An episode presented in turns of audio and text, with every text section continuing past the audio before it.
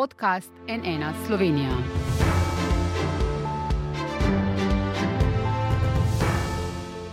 Dober dan, to je NN studio. Slovenski biser Piran bo naslednja dva tedna kulisa akcijskega trilerja Our Man from Jersey v produkciji giganta Netflix.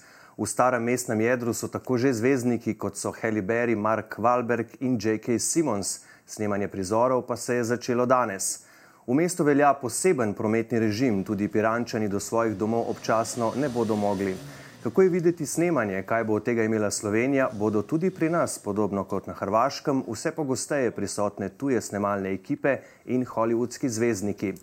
V studiu prav lepo pozdravljam današnja gosta. Z nami sta Nataša Bučar, direktorica Slovenskega filmskega centra. Dobar dan, dan, dobrodošli. In Mateo Šluzar, nagrajeni režiser in scenarist ter predsednik Društva slovenskih režiserjev in režiserk. Dobar dan. Dobar dan.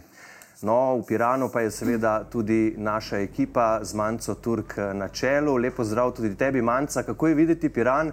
Si se lahko približala kraju snemanja?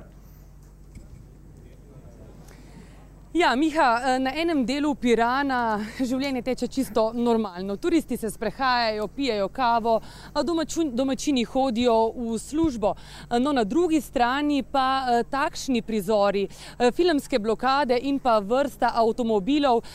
Turisti, ljudje, kot lahko vidite, poskušajo s kotičkom, ujet, s kotičkom učesa ujeti kakšnega od slavnih igralcev. Namreč prav tu, na punti, v tem trenutku poteka poteka snemanje tistih najbolj zahtevnih kaskaderskih prizorov. V Piranu pa naj bi bilo kar 1200 članov produkcijske ekipe, tako slovencev, hrvatov, kot tudi američanov, nastanjeni pa naj bi bili po naših informacijah v Porto Rožu. Eh, no, vključeni so eh, kot statisti eh, tudi domačini in kaj več uradnih informacij v tem trenutku pravzaprav ni. Namreč vsi vključeni so morali podpisati s produkcijsko hišo pogodbo, po kateri ne sme smejo razkrivati informacij ali uh, podatkov, torej vse je zelo skrivnostno in uh, zavito v nekakšno tančico. Uh, naj povem, da snemalcem sva do povdne uspela se nekako približati samemu prizorišču, čeprav so vse povsod takšne eh, blokade, vse povsod so varnostniki in redari, ki uh, ljudi usmerjajo, da naprej ne smejo, da ne bi slučajno uh,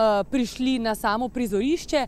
Uspela sva, kot sva izvedela, posneti nekaj vaj, preden so se sem pripeljali oziroma preden se bodo pripeljali glavni igravci. Um, zdaj še ena taka zanimiva stvar je um, prekletstvo novinarstva, bi lahko rekla. V trenutku, ko sva snemalcem kamero pospravila v ruzak, telefone v žepe oziroma v torbice, se je mimo naju dveh uh, v bagju, torej v nekakšnem štirikolesniku, uh, pripeljal eden glavnih uh, igralcev in sicer Mark Wahlberg.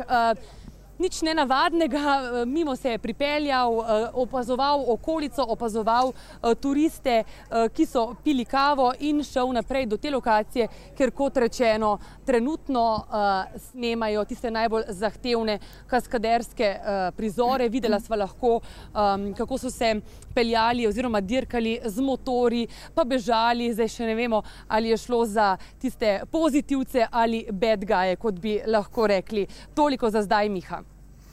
Hvala za enkrat, Manca. K tebi se še vrnemo, spoštovana gosta. To, kar smo pravkar slišali in videli, je najbrž povsem običajno za neko tujo produkcijo, ko pride snemati prizore, uh, gospa Bučar. Ja, Seveda, to je uh, povsem običajno za filmsko produkcijo. Ko je to velika tuja produkcija, so seveda bolj, uh, uh, bom rekla, um, snemanja večjih razsežnosti, kakršno je to v Piranu. Moram pa povdariti, da tudi, ko snemajo slovenski filmski stvarjalci, so seveda uh, uh, take situacije, zaprte ceste, nedostopnost lokacij možne, vendar v bistveno manjšem obsegu, ker seveda tukaj gre za večmilijonske produkcije. Uh mhm. -huh pri slovenskem filmu pa gre za, bom rekla, 200 krat ali pa 300 krat manjše zneske produkcije. Tako da je običajno to za film. Gospod Luzar. Ja, definitivno, ko snemamo filme, moramo zapreti ceste, ulice, kjer snemamo, tako zaradi varnosti, kot pa seveda tudi zaradi same vsebine filma. In recimo v, v mojem primeru filma Orkester, kjer smo v bistvu center Zagorja uh, v jutranjih urah prav tako zaprli. Uh, in uh, vedno prosijo naše ekipe, naši varnostniki, uh, domačine da, za razumevanje, in v večini primerov ga vedno imamo. Je pa verjetno dostop do naših slovenskih zvezdnikov vseeno nekoliko lažji kot do tujih zvezdnikov. Ne? zagotovo, zagotovo ne gre tukaj samo za zvezdnike, predvsem gre za. Eh, da bodo gledalci razumeli, zakaj pravzaprav taka skrivnostnost okrog uh -huh. takih projektov.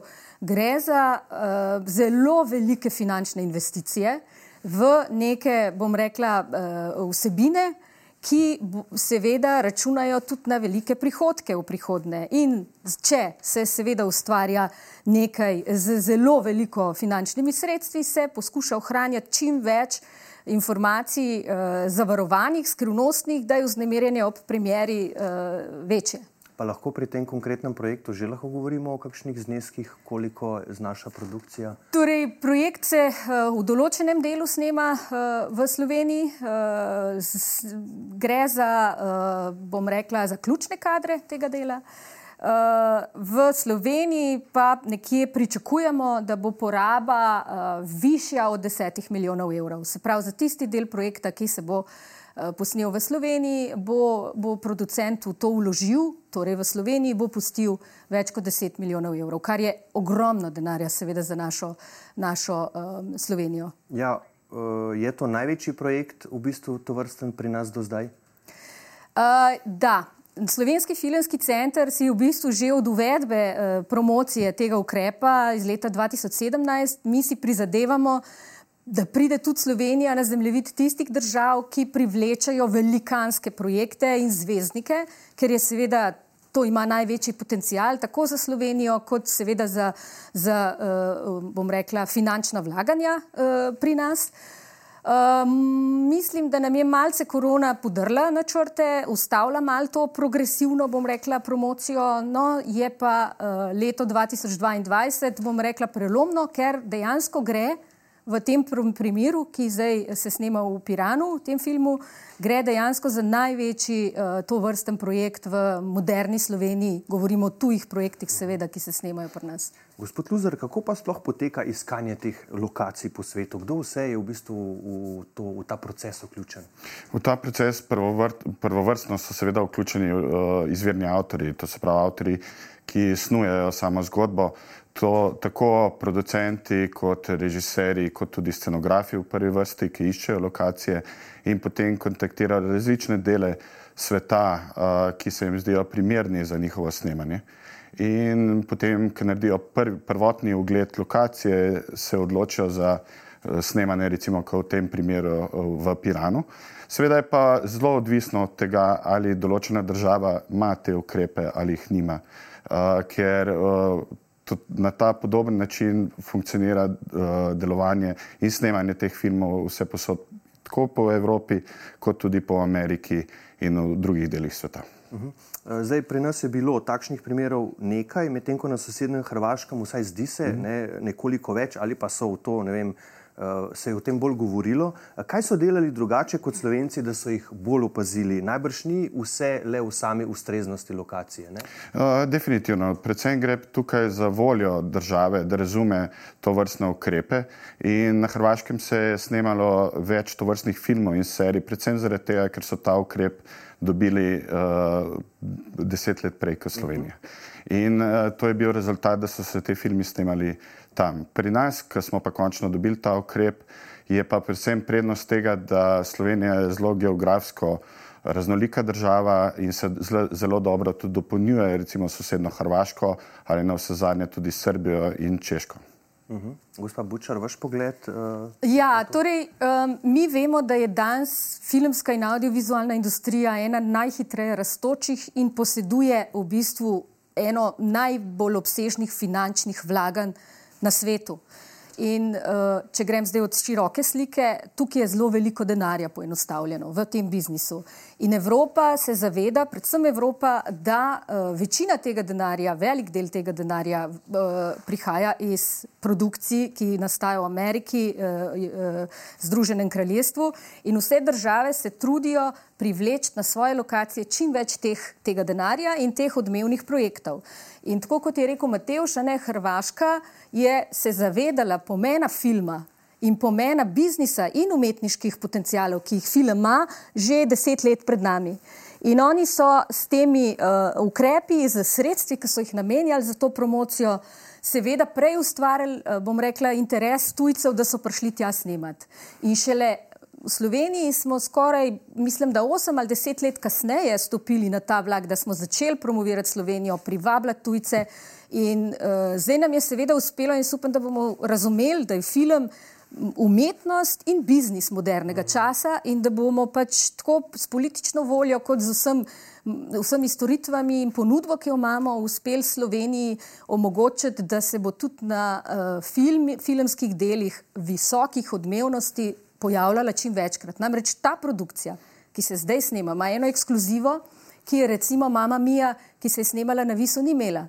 To pa je, da bo Piran realna lokacija v filmu. Uh mhm. -huh. Torej, tega Mama Mija, ki se je snemala na Visu, recimo ni imela in večina produkcij nima, ker uh mhm. -huh. producenti, avtori iščejo dobro lokacijo in potem pač kreirajo prostore z imeni, kakor jih pač kreirajo. Piran pa bo celo predstavljal sebe, samega sebe v tej odmevni produkciji. To je zelo pomembno, ne? ker spomnimo, eh, ko so snemali neskončno nevihto na krvavcu, v filmu to ni bil krvavec, ampak apalači v Severni Ameriki, mm -hmm. uh, gorovje. Uh, in če se ustavimo zdaj prav uh, pri tem filmu, ne? zdaj producentka tega filma, uh, kjer je bila v glavni vlogi Naomi Watts, uh, je za MMC dejala, citiram, eh, višina povračila, ki ga ponuja Slovenija, je zelo konkurenčna v primerjavi z drugimi evropskimi državami.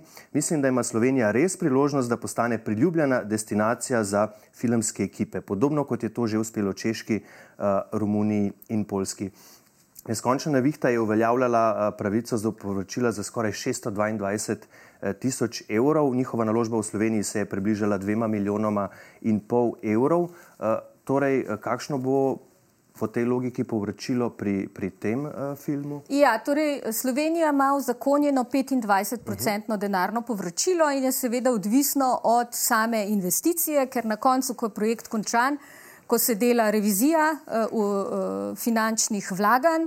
Se seveda bolj točno vidi, kaj je, ampak si lahko vsakdo zračuna, da če bo šlo za 10 milijonov vlaganj, bo 25% tega denarno uh -huh. povračilo.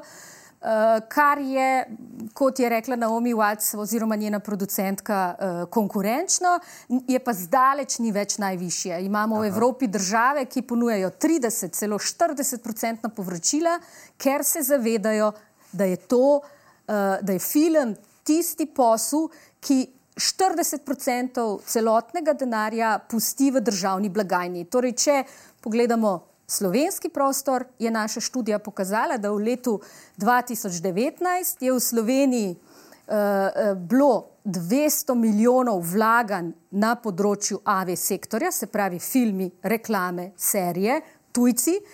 Uh, in izračunano je bilo, da se kar 40, 40% od teh 200 milijonov, se pravi, koliko bi to bilo, 80. 44 milijonov je samo DDV-ja, uh -huh. potem so pa še drugi prispevki v državno blagajno. Se pravi, ogromen delež denarja, ker film ne gre, uh, ni samo strošek, bom rekla, nekih uh, delovne sile uh, uh, na področju kulture, ampak je vse prej kot to. Skratka, gre za široko razpršena vlaganja v gospodarstvo in države se tega zavedajo, med drugim so tudi Hrvati, ki so začeli s 25 po določenem delu Hrvaške, ki je manj zanimiv, dvignili to na 30%.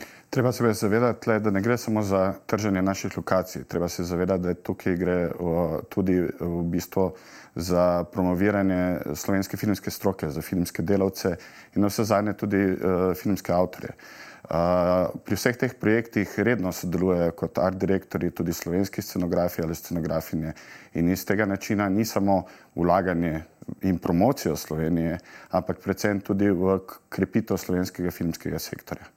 In to je tisto, kar je uh, uh, pomembno tako za celotni spektr AV industrije v Sloveniji. Ko govorimo o multiplikativnih učinkih, ne prej, uh mhm. -huh. preden smo šli uh, v studio snemati, gospod Luzar, ste mi razlagali, koliko imajo Hrvati v Dubrovniku od uh mhm. -huh. tega, ne, ker so pač tam snemali igro prestolov. Uh -huh. uh, lahko tu naredimo kakšne primerjave, koliko bi potem mi lahko zdaj od tega imeli, če se bomo stvari lotili na na tak način? Uh, ta izračun je že narejen v tem trenutku. Uh, uh, direktorica je omenila, uh, koliko prihodka ima sektor uh, že danes. In izračun multiplika multiplikativnosti je 1,8, kar pomeni, da nas to uvršča v bok Norveški. In za vsak evro, ki ga vložimo v slovensko AV delo, tako uh, tuje, kot tudi dejansko slovensko, uh, se vrne 80% in je v bistvu izjemen multiplikativen učinek, tako kot je recimo doživela ne samo Dubrovnik, ampak celotna regija okrog Dubrovnika. In analiza ekonomske fakultete v Zagrebu je pokazala, da je bil ta učinek v finančnem smislu 90 milijonov evrov. Uhum, to so že res uh, lepe številke. Uh, vaša pričakovanja, gospa Bučar, in morda tudi vloga uh, Slovenskega filmskega centra, uh, kako uh, je bil vključen v, v ta projekt in kako ste se povezali morda tudi s Slovensko turistično organizacijo in vse to, kar, kar so odizraven. Torej, Slovenski filmski center je tista inštitucija, ki skrbi za promocijo Slovenije kot filmske lokacije, med drugim tudi. Uh, tista, ki vzpostavlja stike z producenti, tista, ki predstavlja Slovenijo na sejmih. In takoj ob uvedbi ukrepa uh, smo uh, poskušali in tudi uspešno vzpostavili sodelovanje z Slovensko turistično organizacijo. Tako da smo do, v bistvu do nastopa korone na sejmih filmskih lokacij nastopali z STO-jem skupaj. Uh, in seveda poskušali ne samo dvigati interes za Slovenijo, ampak tudi nekako spromovirati, eh, poleg lokacij, tudi to, kar Slovenija tudi še ima za te producente.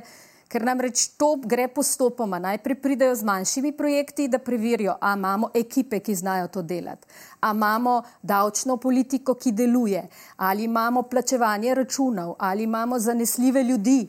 Vse to se gradi od majhnih projektov, zaupanje v državo in v sektor tukaj. In uh, v teh letih, no, zdaj ta projekt je dokaz, da smo tle bili uspešni, da smo zgradili zaupanje in zdaj zelo pomembno za naprej je, da bomo zagotavljali neko stabilnost tudi finančnih sredstev za ta ukrep in seveda um, nekako, da ohranjali, bom rekla, našo, naš dober glas v mednarodnem svetu, kjer je eh, producentov tako obsežnih projektov malo. In verjemite mi, da ko enkrat nekaj ni v redu, ne bo nihče več prišel. Ja, Jaz bi tle še omenil ja. eno stvar, v bistvu, če se zopet obrnemo proti Hrvaški. Mislim, to so povračila, ki, ki jih imamo v naših schemi, so večinoma za tuje producente. Ker pa imajo tudi na Hrvaškem, recimo, da to velja tako za hrvaške producente na hrvaških projektih, seveda, če so ta sredstva niso iz javnega vira.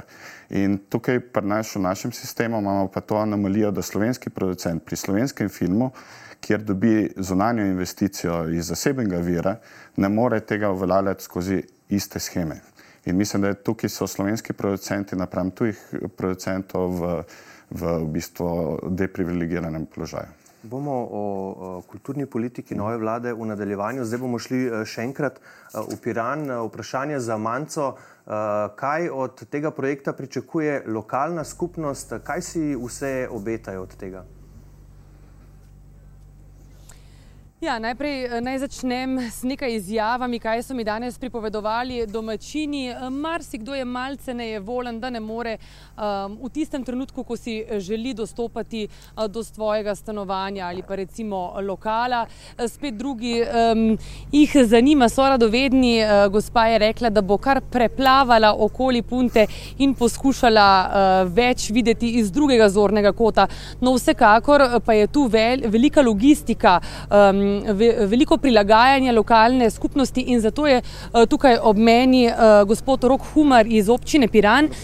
Najprej mi povejte, kar se tiče prometnega režima, kaj to pomeni eh, za domačine, za turiste, v kateri, v kolikšni meri se morajo prilagajati zdaj? Prometni režim bo nekoliko spremenjen. Do 10. ure bo možna dostava do vseh lokalov, restauracij in ostalih eh, gospodarskih dejavnosti. Bo pa v času, ko bo potekalo snemanje na več lokacijah po Piranu, bojo občasne 15 do 20 minutne zapore in v tem času ne bo, se ne bo moglo dostopati do svojih domov in bojo mogli nekateri občani in prebivalci počakati in pol bojo lahko šli domov. To so v bistvu neki ukrepi, ki so po svetu se, kar se tiče snemanja, razumljivi in naši krajani so to v veliki meri sprejeli in podpirajo in so pripravljeni za tako veliko promocijo tudi malo potrpeti.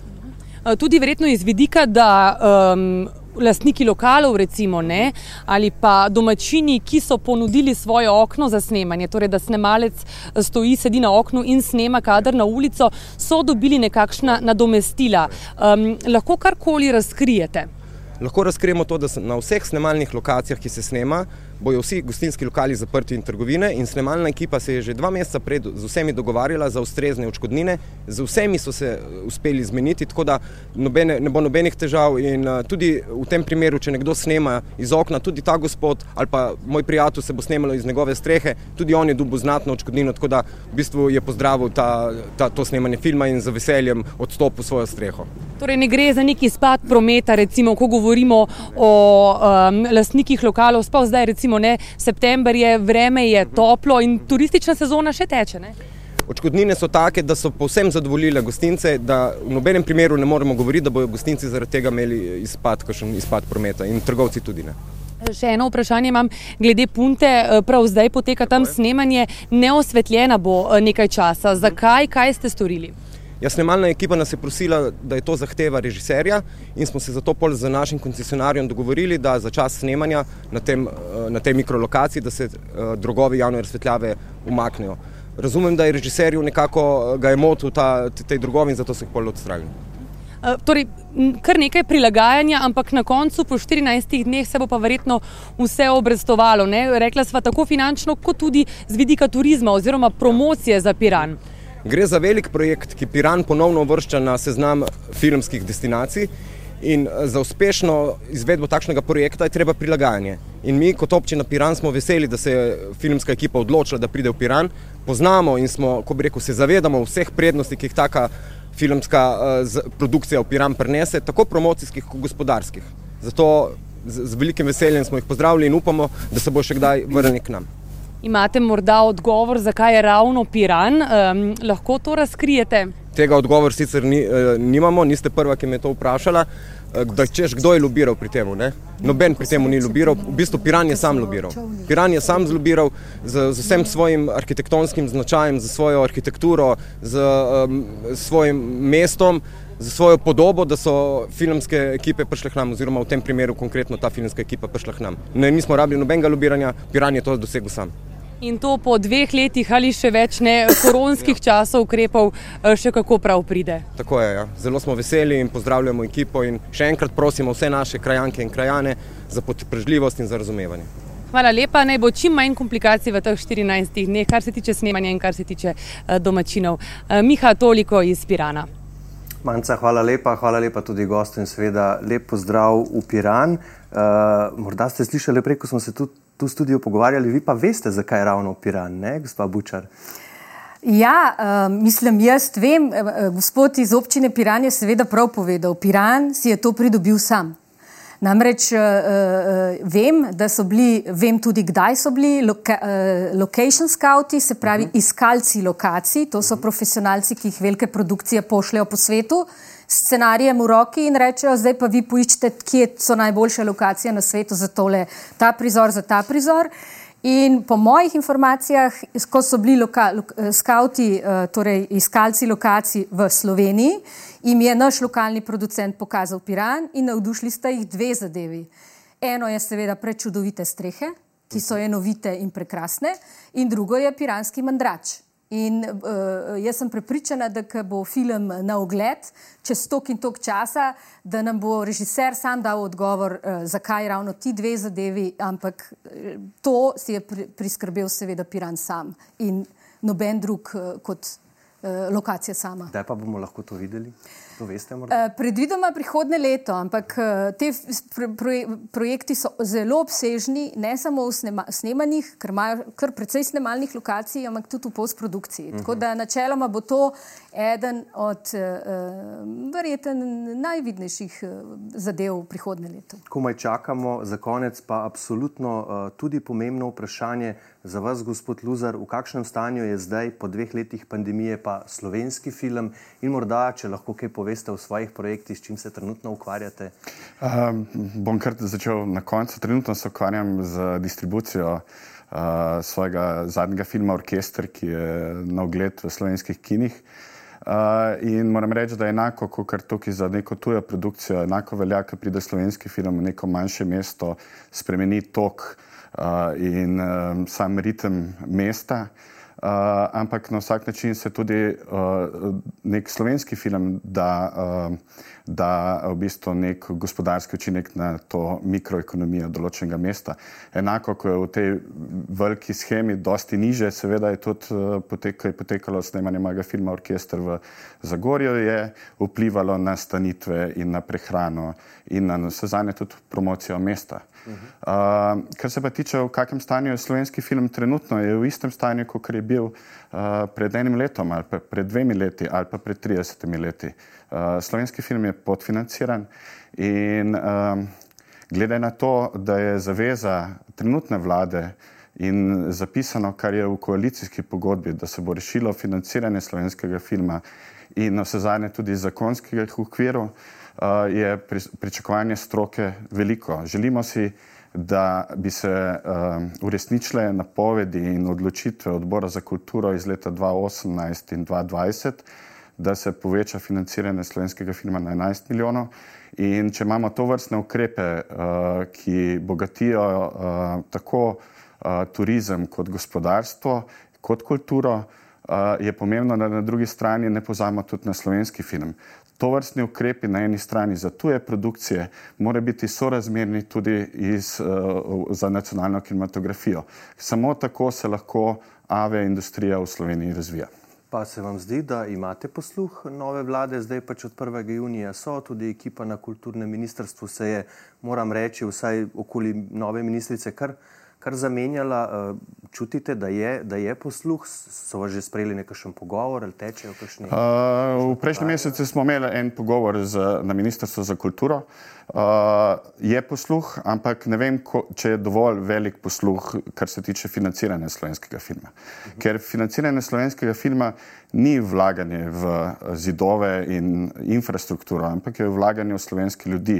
Uh, večina, večina slovenskih avtorjev je samo zaposlenih in delajo iz projekta na projekt. In če ne bomo dvignili v bistvu financiranja slovenskega filma, potem se tudi slovenski talent ne bo mogel razvijati. V tem trenutku uh, toliko talenta, kot uh, ga imamo v slovenskem filmu, tako tistih, ki vstopajo v profesionalni svet, do tistih, ki ga delamo, do tistih, ki so že zadnjih 30 let ustvarjali, tok talenta Slovenija do zdaj še ni imela. In če mi ne bomo razvijali talenta, če ne bomo poskrbeli za ljudi, potem ne moramo tudi govoriti o slovenskem filmu. In pričakovanja so velika, posebej zaradi zaveze uh, koalicijske pogodbe, kjer so jo dale vse tri stranke uh, o podpisu. Toliko talenta Slovenija še ni imela, pravi gospod Luzar. Kaj pa uh, vaš pogled, vaša izkušnja z novo oblastjo? Torej, jaz bom najprej popravila Mateoža, z mojega vidika slovenski film niti približen ni tam, kot je bil 30 let nazaj, niti približen ni tam, kjer je bil dve leti nazaj, ampak je na popolnoma drugi ravni. Je pa res, Mateoš verjetno govori o financiranju in mm. o njegovi naklonjenosti slovenske politike, mm -hmm. tej novi umetnosti, ki nikakor ne zraste v pravi cvet, čeprav talent je, mednarodni uspehi so, naš film se je popolnoma predrugačil. Eh, ne samo, eh, ne bom rekla, da kdaj ni bil dober, ampak eh, uspehi mednarodni, mladi avtori, drugačni pristopi so tu. Imamo vse in že nekaj let čakamo na v bistvu pogumno politično odločitev, ki bo domačemu filmu naklonila, bom rekla, minimalna finančna sredstva, da se bo ta lahko razvijal naprej.